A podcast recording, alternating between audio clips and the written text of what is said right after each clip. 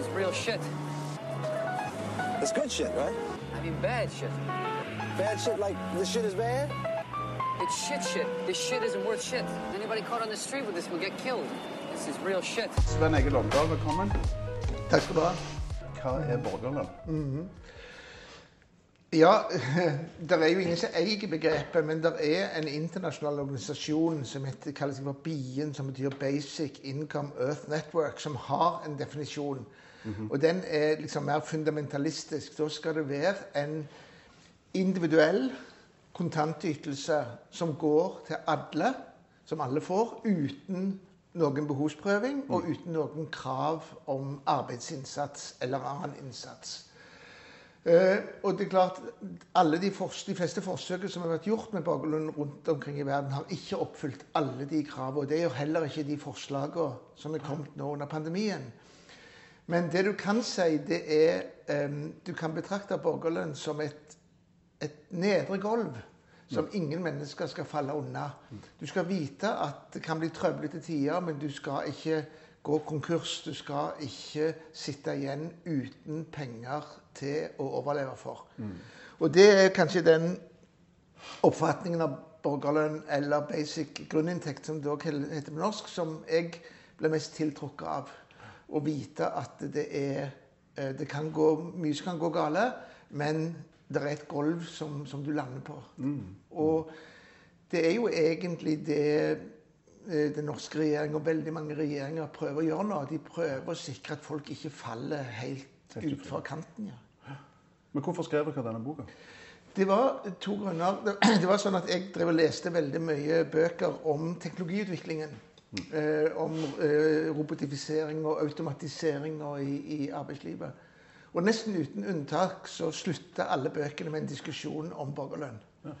Eh, og da ble jeg fascinert av hvordan veldig mange teknologer og økonomiske skribenter diskuterte dette temaet, så ender de samme stedet. Kona mi hun, da bodde vi i Berlin, og hun skrev om arbeidslivet og endringene i arbeidslivet i Europa, med prekariatet, med at stadig større del av arbeidsstyrken ikke har fast ansettelse. De jobber for en app. De er tilkallingsvikarer, de er selvstendige næringsdrivende, de er kunstnere som ikke har fast inntekt. Og når hun skrev om det, så støtte hun òg på det samme. At folk diskuterte borgerlønn som en måte å sikre disse folka på. Og så ble vi sittende og snakke om det, og så sa vi at her ute hvor vi reiser rundt i Europa, så diskuteres dette alle veier. Men i Norge er det nesten ingen som snakker om dette. Det var en gammel greie for eh, Venstre og Miljøpartiet De Grønne for en del år siden. Eller De Grønne har det for så vidt ennå, men Venstre har droppa det. Og så tenkte vi kanskje vi skal skrive en bok og bringe denne debatten hjem til Norge. Sånn at vi kan sparke i gang en diskusjon òg i Norge om eh, borgerlønn som kanskje svaret på det hullet som vi har i velferdsstaten. Og det interessante er jo nå under pandemien så blir det hullet plutselig veldig synlig. Eh, Folk oppdaget plutselig at fra den ene dagen til den andre så, så var de i fritt fall. Og de var ikke sikre på om Det var som et strikkopp hvor du ikke er sikker på at noen har festa strikken i den andre enden. Og da merker vi at interessen for denne diskusjonen har, har blussa opp, ja. For denne boka kom jo ut i 2018, gjorde den ikke det? Nei, han kom Eller? i Eller- 2016. Å, ja, så tidlig. Ja, så kom han i, så kom han i Nei, unnskyld, nå tuller jeg. 2018. Det er jeg som tuller. I 2018, og så kom, der, kom han i pocket i fjor. Ja. Så han fins både i, i fastformat og i pocketformat. Ja. Så om du skal kjøpe den boka, så er det nå? altså. Ja, og som e-bok, hvis du ikke vil gå i bokhandelen. så er den som e-bok. Ja, altså jeg, jeg tenker at det, det er et veldig fascinerende tema å diskutere. og etter at vi skrev boka, så gikk FNs generalsekretær eh, han Antonio Guterres ut på generalforsamlingen til FN i fjor. I sin åpningstale så sa han at arbeidslivet forandrer seg så mye at alle land i hele verden må diskutere borgerlønn. Og da tenker jeg, Hvis FNs generalsekretær ber alle land diskutere det, så er det ikke lenger noe sånn tema langt ut på sida der. Det er et ekstremt sentralt tema. Og det tror jeg er grunnen til at dette World Economic Forum i Davos, den Davos-konferansen hvert år det, det nesten ikke, har nesten ikke vært et år de ikke har diskutert borgerlønn. Uh, fordi at de folka der, de ser hvordan Og de ser det ut fra et annet perspektiv. De ser hvordan arbeidslivet forandrer seg, og at sannsynligheten for at det ikke vil bli arbeid til alle, eller meningsfullt arbeid til alle, er veldig stor. Så det er den andre inngangsvinkelen til det. Akkurat i disse dager så er vi kanskje mye mer opptatt av hvordan du skal hindre ruin og, og fattigdom, altså bruke det til, til, sikkerhetsnett. Ja. Men når vi er inne på dette, så kan vi gå gjennom på en måte lister med spørsmål som, eh, som vanlige folk har. Mhm. Sånn som jeg ser i forhold til Facebook. og Jeg har jo vært en del der og sett på hva folk lurer på. og liksom. Typiske spørsmål så er det hvor kommer pengene fra? Sant? Er, det, er det over skatteseddelen? Mhm. Eller Det er skrevet bindstore verk om hvordan du skal finansiere det. Og hvor dyrt det blir, avhenger veldig av hva det skal gjøre. Du kan si Den grønne ideen er at alle skal få borgerlønn. Uansett om du er- tjener millioner fra før, så skal du få borgerlønn. Og så skal du kunne bruke den inntekten til å ta ned arbeidet ditt. Altså fordele arbeid på flere.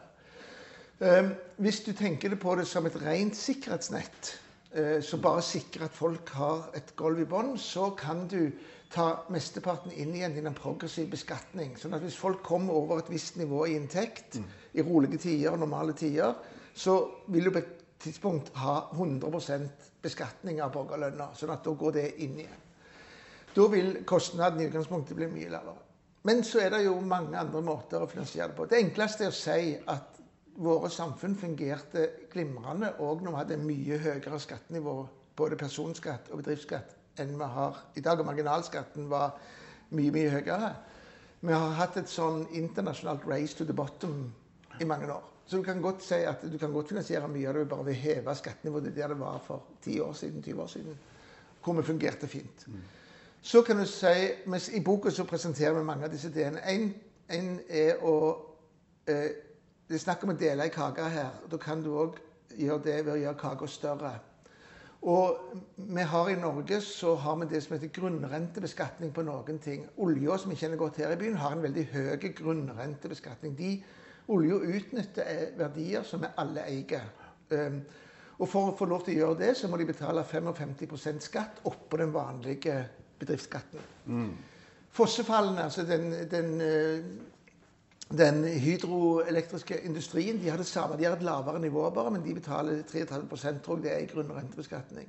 Nå ligger det et forslag i Stortinget, eller hos regjeringa, fra det utvalget som vurderte grunnrentebeskatning på lakseoppdrett og på oppdrettsfisk. Som er en enorm industri som ikke betaler for å bruke fjordene våre, for å bruke kunnskapen som det norske samfunnet har generert, for å bruke infrastrukturen vår. En annen enorm ressurs som vi alle eier, men som ikke blir beskatta, det er de personlige dataene våre. Eh, altså De svære, gigantiske Google, Facebook, eh, Amazon, alle disse her, de er blitt verdens mektigste selskap på å utnytte dine og mine personlige data. Vi får ingenting igjen for det, annet enn kanskje tjenester som vi ikke betaler så mye for. Det er forslag om å skattlegge eh, bruken av våre personlige data og føre de pengene tilbake igjen til vi som eier de. Og så har du dette med transaksjonsavgift på finanstransaksjoner. At du har en ørliten avgift på hver eneste finanstransaksjon. Så det er veldig mange ideer. Så, og pluss selvfølgelig en, en stor idé er jo også å gå mye hardere på de som i dag unndrar seg beskatning. Både de som gjør det ulovlig, og de som har funnet systemer som er lovlige, men som bør tettes igjen. Sånn at når, når eh, Facebook i Norge betaler mindre skatt enn en, enn en normalt godt gasjert eh, direktør i et norsk selskap, så er det noe galt. Er sånn. Ja. Så, så den debatten om finansiering den vil avhenge av hva slags borgerlønnsinnretning du skal ha. Og så vil han bli en I boka så, så stiller vi et spørsmål som jeg tenker du kan snu på det. Så kan du si tror vi at det norske samfunnet har ressurser nok til å gi alle mennesker et verdig og trygt økonomisk liv? Hvis vi svarer ja på det spørsmålet, så er resten politikk. Da er det bare å finne den beste omfordelingsnøkkelen. hva som gir eh, uttelling, best uttelling for flest mulig. Men jeg tenker hvis dette skal være et globalt system òg, så må en jo, jo på en måte lage et system da, for, eh, for, eh, altså for For alle. Som for alle? Ja, altså er, i, I EU er det jo mye diskusjon om å begynne med sånne altså euro-fund. altså at du skal få, Som EU-borger så skal du få eh, en grunninntekt. Og den er blitt òg vekka opp igjen nå i pandemien, hvor det er forslag om at EU skal nå i løpet av krisen bevilge en sånn, i første omgang en redningspakke, men som skal være individuell og gå til alle. Nå gjør jo statene dette på sin måte, men alle statene diskuterer jo nå sånne løsninger. Altså danskene Unnskyld, danskene uh, har et system hvor, hvor det går gjennom så vidt jeg skjønner, gjennom bedriftene, men det går til garantert for hver enkelts inntekt. Norge vedtok dette at alle, uh, vil si de fleste som er selvstendig næringsdrivende, kunstnere, uh, løsmedarbeidere, de skal få 80% av gjennomsnittsinntekten de siste tre åra. Alt dette er, har elementer av borgerlønnstenkningen i seg. Og det må de gjøre på europeisk plan òg. I, I Europaparlamentet så ligger det et forslag nå fra den rød-grønne gruppa om en sånn europeisk borgerlønn. Ja, For jeg tenker Det som de gjør i USA nå, det er jo noe de kaller for helikopterpenger. er det ikke det? At Jo. De gir penger til befolkningen for å bruke inn igjen i dette systemet, sånn at det ikke liksom eh, Ja. bryter helt sammen. Ja, Foreløpig er det en engangsutbetaling på 1200 dollar til alle som tjener under 75 000 dollar i året. Og det er 90% av amerikanerne er under den grensen, så det gjelder de aller fleste. De, og der har det vært en, en modell som jeg syns er litt fascinerende. De har foreslått at istedenfor å sende kontanter til folk, så skal du, alle folk få et ferdig eh, kredittkort som bare virker i ni måneder. Og det er for å få, fordi at Du kunne tenke deg hvis du sender 1200 dollar til alle, så vil mange ikke bruke dem. De vil sette dem i banken og gjemme dem.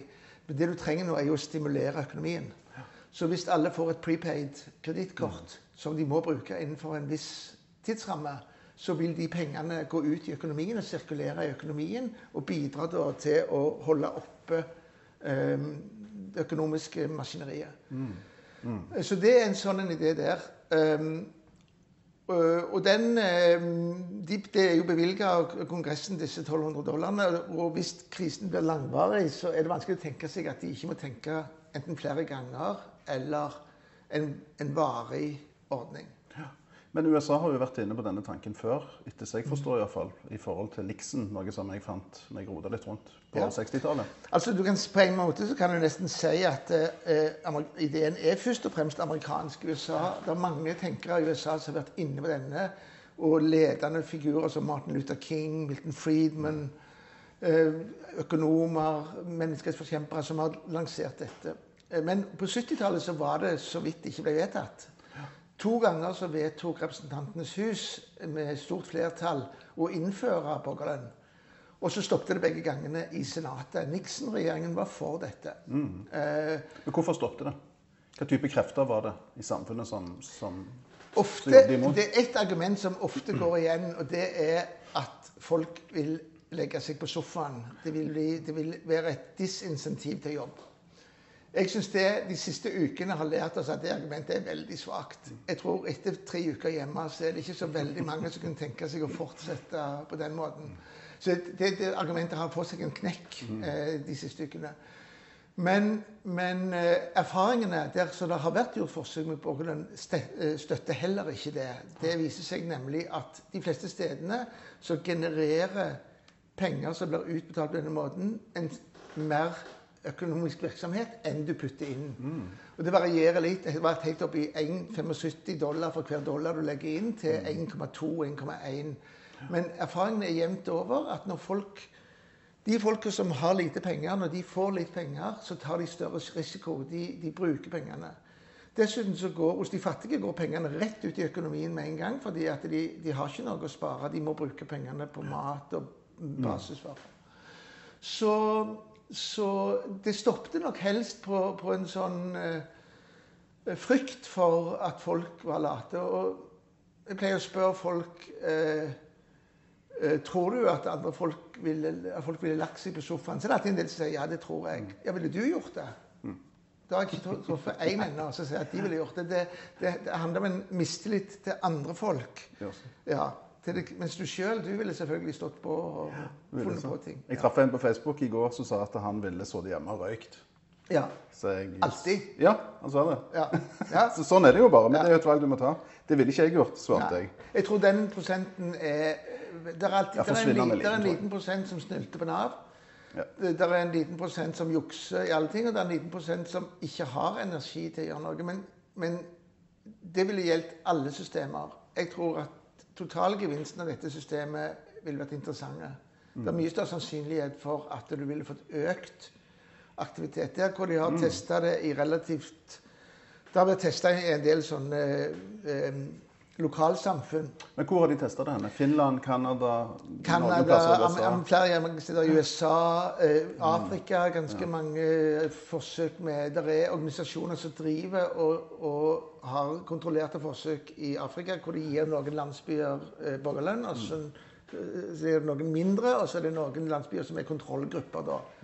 For å se hvordan dette slår ut. Og jevnt over så er resultatene enormt positive og viser seg at der hvor de får litt penger, så bruker de pengene til å investere i noe som skaper større økonomisk aktivitet. Om det så er noe så enkelt som en symaskin eller et, baker, et bakerovn eller hva det måtte være. Eh, At folk som ikke har noen penger, kan heller ikke ta en økonomisk risiko. Men har du en garanti for at det kommer noen kroner neste måned òg, så tør folk å investere og satse på ting, for de har tryggheten for at de kan falle ned på minimumsinntekten. Mm. Hva syns du om dagens eh, eh, system eh, i Norge? Altså det norske systemet som, som vi holder oss med i dag? Altså, Vi bruker enormt store ressurser på å administrere et system for å sikre at det ikke blir misbrukt. Og da vet vi jo, Alle kjenner jo til disse historiene av folk, hvordan folk har slitt i forhold til Nav-systemet og blitt fortvilte og gått seg fast i systemet. Um, og så ser vi nå at når krisa kom, så Så var det lett. så var det lett. Da kunne de gjøre det over natt. I løpet av 48 timer så lagde de en, det som jeg kalte for en nødløsning til nødløsningen. Unnskyld. Så, så um, Tanken er jo at hvis du har en, en, en grunninntekt, en, en, en, en ehm, universell grunninntekt, så tar du vekk alt dette kontrollapparatet. Eh, du tar vekk Ikke alle ytelsene, for noen ytelser må folk ha, for de er spesialytelser. Men du kan ta vekk barnetrygd, du kan ta vekk studielånet, du kan ta vekk eh, dagpengene, du kan ta vekk arbeidsavklaringspengene. Du kan ta vekk en god del av disse ytelsene, og så kan du skrumpe Nav til en mye mer spesialisert, mindre organisasjon for de folka som trenger spesiell oppfølging. Så, og, og jeg tror det er det som mange ser, at økonomer òg ser at det er, irrasjonelt å bruke så enormt mye ressurser og ha så mye mistillit som du har i systemet.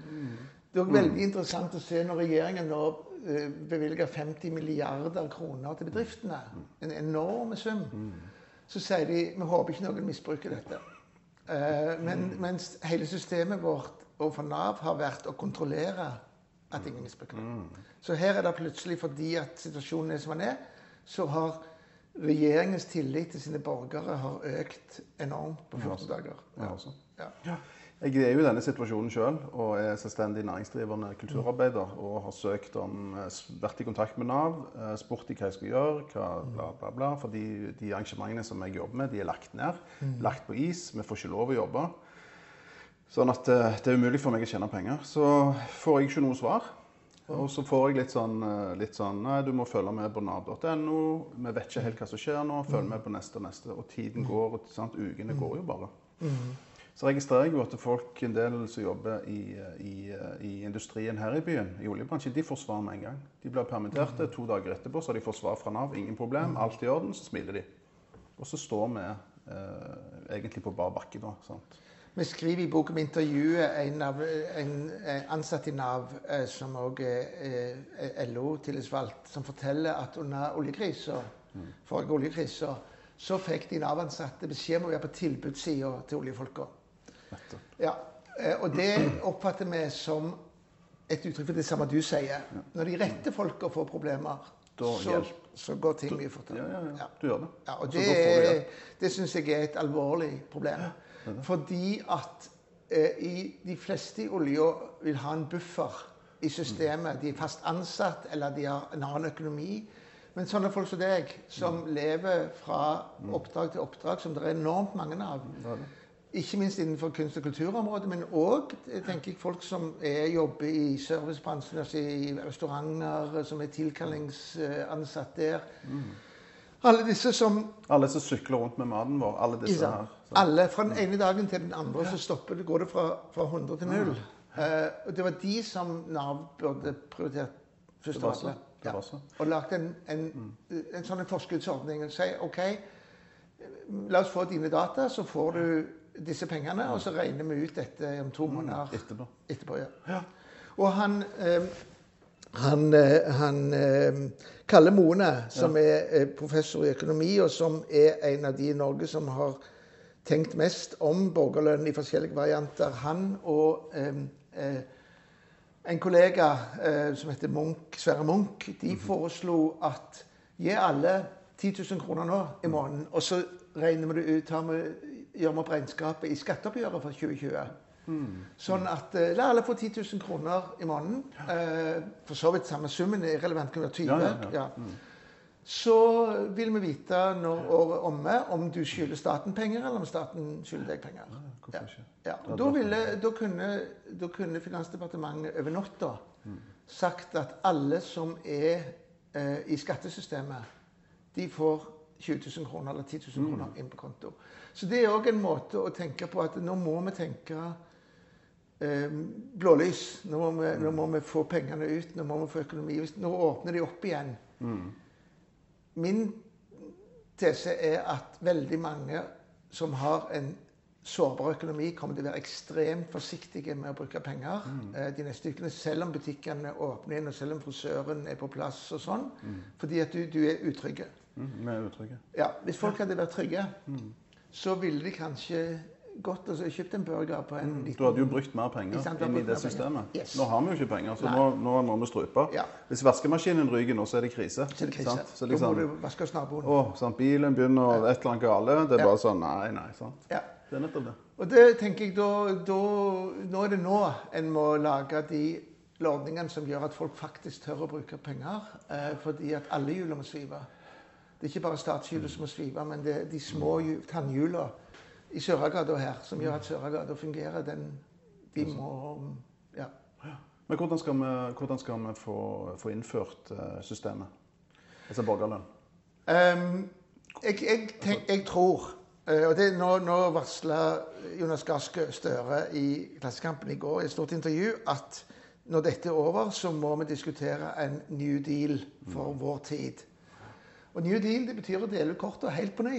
Eh, og det er det vi, når vi sier det er, dette er en idé som endrer spillet, eh, så er det nettopp det at eh, nå får vi en historisk sjanse til å tenke gjennom om det økonomiske systemet vi har levd etter, etter andre verdenskrig, om det er godt nok. Og det, nå så vi at det var ikke det. Det var, det var dårlig nok i gode tider, hvor du fikk økende ulikhet innad i, i Du fikk større likhet i verden mellom fattige i India, Kina og andre folk, men du fikk større ulikhet innad i hvert enkelt land. Og ulikheten har økt selv i våre rike land. Nå får vi sjanse til å stoppe helt opp og tenke nytt. Og da tenker jeg at de politikerne og partiene som griper anledningen til å fremme store tanker om en ny måte å ordne økonomien på, de vil være interessante å lytte til. Mm, enig. Enig. Ja. Jo, det, det eh, er kloke ord. Det som jeg bed meg litt merke i her eh, for et par dager siden, det var at eh, etter spanskesyke, da, som var noe eh, altså som skjedde for 100 år siden, som var ganske lik den, den krisen vi ser nå, pandemien, så var verdensøkonomien i en, i en helt annen situasjon etterpå. Eh, sant? Han var mye mer eh, robuste enn han er i dag. Eh, han var mindre sårbare, han var mindre rettferdig, sånn som jeg forstår. Det må jo òg være et tegn på at det systemet som vi har, ikke er bra nok. Altså det som, Spanskesyken kom jo helt i slutten av første verdenskrig. Eh, sånn at Verden var jo liksom i ulage. Eh, I Stavanger så ble det krise etter, etter spanskesyker. Eh, men ikke pga. spanskesyke, men pga. at hermetikken stoppet opp. Fordi at eh, krigen slutta, og da skulle ikke de krigførende ha like mye proviant. Sånn at i Stavanger gikk inn i en nesten 20 år lang krise i 1920 som bare var- varte nesten uten avbrudd fram til slutten av andre verdenskrig. Men, men eh, i eh, andre steder i Europa så fikk du en tiårig vekst. altså Du fikk jo denne her eh, de der de glade 20-åra. ikke sant? Du fikk veksten som stoppet brått da høsten 29 med krakket på New York-børsen.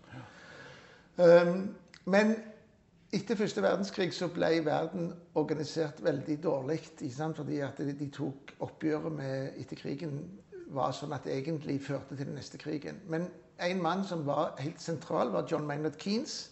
Um, engelske økonomen som, som advarte mot alt det som ble gjort, og sa det kommer til å føre til katastrofe. Men han skrev et essay i 1930 om hvordan han trodde verden ville se ut nå i dag. Og han forutså noe helt presist, nemlig at produktiviteten ville bli mangedobla. Så tok han feil i at han trodde at vi ville ta ut mye av den produktivitetsveksten i økt fritid. At vi ville jobbe 15 timer i uka, og så ville vi leve finere og roligere liv. Han undervurderte hvor enormt glade vi er i å forbruke ting. Eh, Så derfor har vi tatt ut Vi tok ut noe produktivitetsvekst til vi kom ned på ca. 40 timer i uka. Men så stoppet vi, akkurat som det var en slags sånn eh, naturlov, eller Moseloven, som sier at hvis du jobber under 40 timer i uka, så er du en latsabb. Og Det er veldig løye hvorfor det stoppet akkurat der, men det gjorde det. Eh, Så er det jo mange som tenker at en sekstimersdag eh, ville vært mye bedre for, hele, for oss alle. For vi får mer tid til hverandre, mer tid til å være sammen med unger og eldre. Mer tid til å pleie interessene våre. Og hvis vi kan drive økonomien med å jobbe 30 timer i uka istedenfor 40 Kanskje med et litt lavere forbruk og ikke bytte iPad annethvert år og telefon hvert år. Og ikke kjøre fullt så store biler og reise fullt så ofte på Langviken.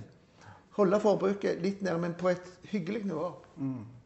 Så ville mm, kanskje livene våre bli bedre.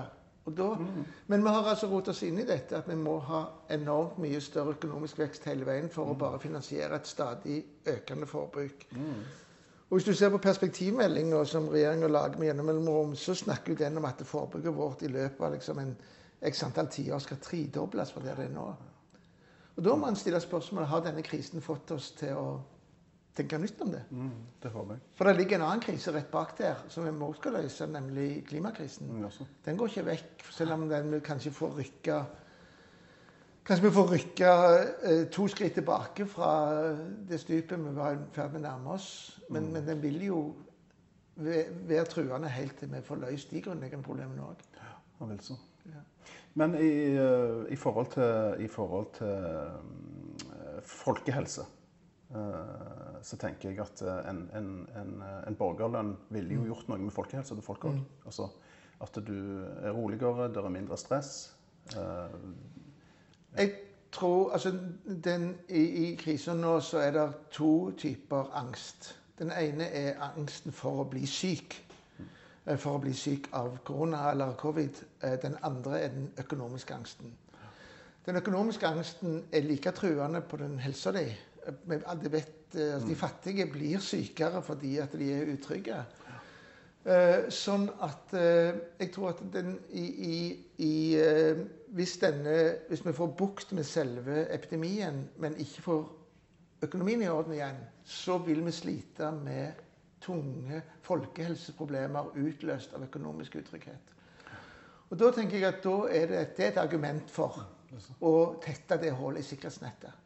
Sørge for at OK, det er ikke sikkert de neste år blir veldig feite, men, men du trenger ikke være redd for at du ikke skal kunne betale husleie, og at du ikke skal ha mat på bordet, at du ikke skal kunne kle deg og, og sånne ting. Det, det, det vil være garantert i, denne, i dette gulvet som vi snakker om. Ja. Men hva skal vi si da til folk som mener at et sånt system er urettferdig? At eh, jeg går på jobb og jeg eh, sliter og jobber hver dag hele tida. Det er urettferdig at noen andre skal få penger. Sant, å sitte hjemme. Ja, altså, Eller delvis sitte hjemme. Ja, altså liksom ja. Nei, jeg jobber bare der og Der der er, når jeg vil. ingen, der er ingen eh, altså det, Vi snakker om et gulv, ikke om et tak. Nei. Hvis du har det gulvet som, du har det samme gulvet som alle andre, hvor høyt du vil bygge, hvor mange etasjer du vil bygge oppå det gulvet, det blir opp til deg. Ikke sant? Det, det, er, det er ingen som tar noe fra deg fordi om andre får. Eh, og det samme har jo det i dag. altså, Jeg er gammel nok til at jeg nå har tatt ut alderspensjonen. alderspensjon. Altså, som betyr at jeg har jo en slags borgerlønn. Altså, jeg, jeg, er trygg så lenge den norske staten og Storbrann ikke går unna, så er jeg berga for life. Hvorfor skal ikke ungene mine eh, være like trygge? De har, eh, ingen av de har faste jobber. De er helt typisk moderne ungdommer. Høyt utdanna i sånne vikariater og lengre vikariater. Hvorfor skal ikke de være like trygge som jeg er? De eh, stiller ikke engang veldig høye økonomiske krav. altså De, de bor mye trangere enn jeg gjør, og de, de lever enklere enn en vi har råd til. Så jeg tenker det, hvorfor skal noen misunne de at de er trygge? Men har vi råd til det? Det er det folk som spør om. Har vi råd? Ja. Da jeg går tilbake til spørsmålet. Tror vi at den norske staten, med de ressursene vi har i Norge, de naturressursene, de menneskelige ressursene, den kompetansen vi har i Norge, tror vi at de 5,5 millionene, 5,5 millionene nordmenn alle kan, At vi kan sikre at alle har en grunnleggende trygghet? Det er jeg ikke et øyeblikk i tvil om. Og da er resten av det er politikk. Da er det bare politikk. Hvor, hvor, hvordan omfordeler du sånn at alle har den tryggheten? Mm. Men hvis du overfører dette globalt, da? Ja, jeg tror altså Er verden rik nok? Ja. Ja, altså all verden er nok ikke rik nok til å gi alle en norsk levestandard. Det tror jeg er utopisk. Eh, Men jeg tror verden er rik nok til å gi alle mennesker et eh, anstendig og verdig liv. Eh, Hvis du, hvis du tar pengene fra verdens ti rikeste mennesker og deler de ut på alle, så vil livet bli ekstremt mye bedre for alle i bånn. For de to-tre milliardene som er i bånn, de vil få et bedre liv om du bare tok pengene fra ti mennesker. De er jo helt ekstremt rike, disse. Ja, de er ekstremt, de er helt absurde. Helt ekstremt. Jeg så han der Bloomberg, han, eh, han eh, Michael Bloomberg er det vel han heter. Han som, som eh, Herregud, tidligere borgermester, holdt jeg på å si, i New York. Han altså har fem ganger mer enn oljefondet. Sant? 55 000 milliarder kroner i privat formue. Se Jeff Bezos. Det, eller eller uh, Jeff Bezos eller Musk. De har så mye penger at de må utforske verdensrommet for å finne noe de kan bruke det på. ikke sant? Altså, hvorfor, hvorfor skal det være Altså, For 100 år siden så hadde USA, selv om det var et gjennomkapitalistisk samfunn, så hadde de et system der de brøyt opp. De hadde en antitrustlovgivning som gjorde at når noen ble så mektige, så visste de at det trua også kapitalismen. Så da brøyt de opp. De brøyt opp eh, Esso eller Standard Oil. De brøyt opp eh, Bell, eh, telefonselskapet. eh, Som tilsvarer eh, Facebook og Google i dag. Um, Men hvordan gjorde de det? de bare tvang de til, tvangsoppløste de og delte de opp i mange enheter. Uh, sånn at du fikk babybells, som de kalte de små ja. telefonselskapene. Esso ble delt opp i fire-fem oljeselskaper, eller hvor mange det var. Eller Standard Oil ble. Esso er et av de. Um, um, så i dag um, en diskusjon om hvordan du skal ehm, tøyle en kapitalisme som er i ferd med å løpe helt løpsk, hvor noen mennesker blir så mektige og så rike at de er i en annen dimensjon enn andre enn resten av verden. Det er òg en politisk debatt. Hvordan gjør du det? Og det, det jobber jo, Når det gjelder skattlegging av disse selskapene, så jobber både, både OECD og EU jobber med ulike modeller for å skattlegge disse. for å sørge for. Men da har jo Trump eh, stilt seg i veien for det å true EU for eksempel, med, og landene som prøver å gjøre det, som Frankrike og andre, med sanksjoner hvis de rører de amerikanske selskapene. Så du må ha en annen politisk ledelse i USA. Du må ha en annen tenkning eh, i eh, mange land i, i verden. Men, men hvis det er noe vi opplever nå, så er det jo at viljen til å tenke nytt er blitt kraftig stimulert. eh, og vil bli kraftig stimulert jo lenger dette varer, jo mer alvorlig det blir. Nettopp. Ja. Eh, jeg har litt andre spørsmål sånn på tampen. eh, der er folk som lurer på eh, Men ikke eh, Der er folk som lurer på Eh, skal vi se, Andre land, hva erfaringer de har gjort, det har vi snakket om. Eh, pensjonister. Altså Kalle Mone kaller borgerlønn for barnetrygd for voksne. Ja. For barnetrygda er eh, Den er, oppfyller kravene. Den går til alle, eh, riktignok under en viss alder. Den er lik for alle, enten du er millionær eller lutfattig. Eh, Nå er den altfor lav, men den er der. Den eh, stiller ingen krav. Eh, Du må ikke yte noe, du kan bruke den hvordan du vil. Eh, Og den er ikke behovsprøva. Så det er et godt bilde. Altså, vi har, ele- I det norske samfunnet så har vi elementer av borgerlønn. Altså, eksempel så har vi gratis utdanningssystem tilnærmet. Det er akkurat det samme. Vi, sikrer at alle mennesker, uansett hva økonomi du har, så skal du kunne du skal kunne følge evnene dine så høyt som de når, uten at økonomien stopper deg. Vi har et helsevesen som er grunnleggende det samme. At uansett hva økonomi du har, så skal du få den samme behandlingen.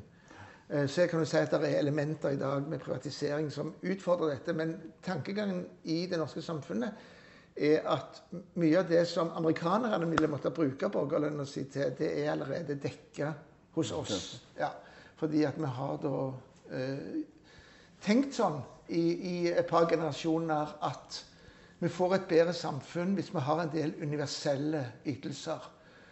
Og Barnetrygda har vært omstridt, og derfor har den stått rolig nå i 20 år. Eh, Men, men en av måtene, nå har vi fått en økende barnefattigdom. Og økonomene er klokkeklare. Den beste måten å angripe barnefattigdommen på er ikke begynne med behovsprøve ordninger mot de fattigste ungene, men bare øke barnetrygda for alle. Det vil, eh, det vil være det mest effektive tiltaket mot barnefattigdom. Og hvorfor, hvis det virker da for alle under 18 år, skulle, og det virker for alle over 62 og 67, hvorfor skulle det ikke virke for de i midten? Det er jo helt åpenbart, Ja, ja. syns jeg. OK, takk for besøket. Eh, jeg oppfordrer alle til å kjøpe boka. Hardback, paperback eller E-bok. som e-bok. Veldig hyggelig. Den er god. Takk skal du ha.